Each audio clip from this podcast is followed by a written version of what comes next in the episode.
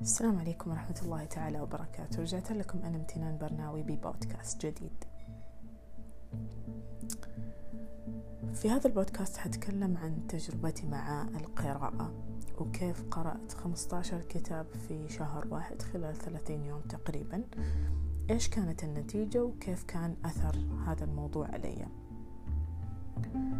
في البداية أهدافي لهذه السنة اللي هي 2020 إني أقرأ كتابين في الشهر على أقل تقدير. هذا في حال آه، كوني إني مبتعثة وملتزمة بعمل ودراسة. ولكن أنا الآن في فترة إجازة.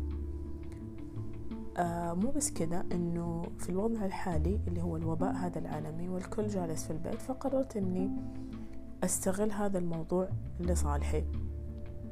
في شهر اثنين فجأة ومن غير أي سابق إنذار حسيت أني أنا بأرفع سقف أهدافي عشان أكون صادقة معاكم. آه، أبدا ما كان هدفي أني أوصل لخمسة عشر كان الهدف أني أكبر أني أقرأ أكبر عدد ممكن من الكتب والأهم من هذا كله الفائدة والمتعة. آه، لأنه العدد ما هو أهم شيء ولا هو كل شيء الأهم الفائدة والمتعة. وخاصة اللي شجعني زيادة إنه أنا الآن الكتب العربية في متناول يدي. وزي ما أنتم عارفين آه، سواء من كتابي أو من آه، مدونتي أنا أول ما بدأت في القراءة بدأت في آه، مجال الكتب الأجنبية. فالآن كان هدفي أني أبحر بعمق في الكتب العربية وفي الثقافة العربية أكثر وأكثر. وفعلا من أول يوم في الشهر بدأت أقرأ وبدأت هذا التحدي. الموضوع هل هو سهل؟ أبدا ما هو سهل. حتى بالنسبة للأشخاص اللي متعودين يقرأوا ما هو سهل إنه يقرأ عدد كبير من الكتب. وزي ما قلت بفائدة وبمتعة في وقت قصير جدا. لكن كنت حاطة الهدف حقي قدامي ودخلت هذا التحدي بكل صرامة مع نفسي. في بداية الشهر كان الموضوع آه، أقدر أقول يسير لأني بدأت أتدرج. بدأت بالكتب اليسيرة إلى حد ما إلى المتوسطة. وبعد كده بعد ما رج... آه، رجعت رغبة القراءة عندي بشكل عالي جدا بدأت في الأسابيع اللي بعد كده أدخل في المواد الدسمة. والكتب الثقيلة جدا. وفي حاجة جميلة جدا أني دخلت في مجالات عمري ما قرأت فيها ولا أتوقعت أني أبحر فيها بهذه الطريقة. طيب ليش قررت أني أدخل فيها؟ من باب التغيير ولأنه كان عندي ذرة فضول في هذه المجالات. فقررت أني أدخل في هذه المجالات وفعلا دخلت فيها و أعجبت جدا جدا بها وكان هذا تحدي ثاني إني أنا أدخل في هذه المجالات والحمد لله انبسطت جدا من هذا التحدي. آه تقريبا هذه تجربتي وكمان في حاجة إضافية آه سويتها. زي ما قلت لكم كان كانت الفائدة عندي مهمة جدا فكنت أغلب الكتب ألخصها. آه فهذه نقطة إضافية. كانت موجودة. خلينا نتكلم الآن عن الإيجابيات والسلبيات إن وجدت. خلينا نبدأ بالإيجابيات.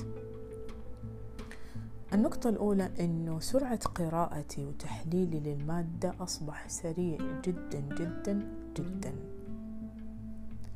آه بشكل مختلف تماما عن أول ما بدأت أقرأ في 2016 النقطة الثانية أنه عادة القراءة أصبحت في أوجها.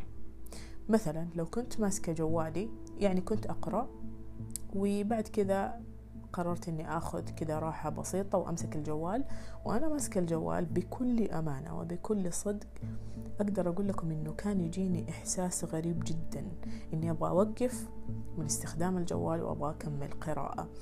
إما لأني في حماس وفضول أعرف إيش النقطة اللي بعد وإما إنه إنه لأنه العادة حقت القراءة صارت عندي أقوى من استخدام الجوال آه، على مواضيع أنا أصلا عرفتها social media ومن هذا الكلام. النقطة الثالثة ما صرت أنتظر الوقت المناسب أو المكان المناسب للقراءة. وأصبحت أقرأ في كل زمان ومكان. بصراحة هذا الشيء كنت جدا معجبة فيه. في بداية قراءتي في بداية دخول العالم القراءة 2016 كنت أحتاج مكان هادئ وأجواء معينة عشان أقدر أدخل في القراءة. ولكن بعد هذه التجربة في في أي مكان حتى لو كان أكثر الأماكن إزعاجا أقدر أقعد وأبدأ أقرأ. وفي انعزال تام عن المحيط اللي حولي. بحيث أنه ما يأثر علي وأنا أقرأ وأستوعب المعلومة. النقطة الرابعة أو الإيجابية الرابعة آه وهي أنا أعتبرها أجمل أثر لهذه التجربة. باستخدام أحد التطبيقات الموجودة على الجوال لاحظت أنه استخدامي للجوال أنخفض معدل الاستخدام للجوال أنخفض بنسبة ثمانين في المية. الموضوع كان صادم جدا ولكن جدا جدا جميل. وأصبح. آه المعدل المتوسط لاستخدامي للجوال من ثلاثة إلى أربع ساعات في اليوم وأغلب هذه الساعات أستخدم الجوال لأغراض آه إيجابية برضو مثلا آه اليوتيوب أسمع مقاطع موسيقية أو إني أتفرج على بعض التمارين الرياضية ومن وغير هذه الأشياء فهي هذه الأربع إيجابيات اللي أنا خرجت فيها من التجربة هذه.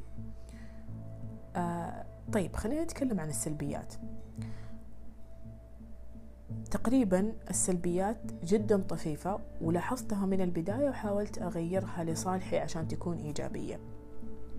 السلبية الأولى لأنه أنا قرأت عدد تقريبا كبير من الكتب 15 كتاب وأصلا أنا عندي في المكتبة مليان كتب فكانت السلبية إنه هذا العدد الكبير إني أنا حضيفه للمكتبة وحياخذ مني مساحة ولكن أنا قررت إني أحوله الإيجابية طيب كيف؟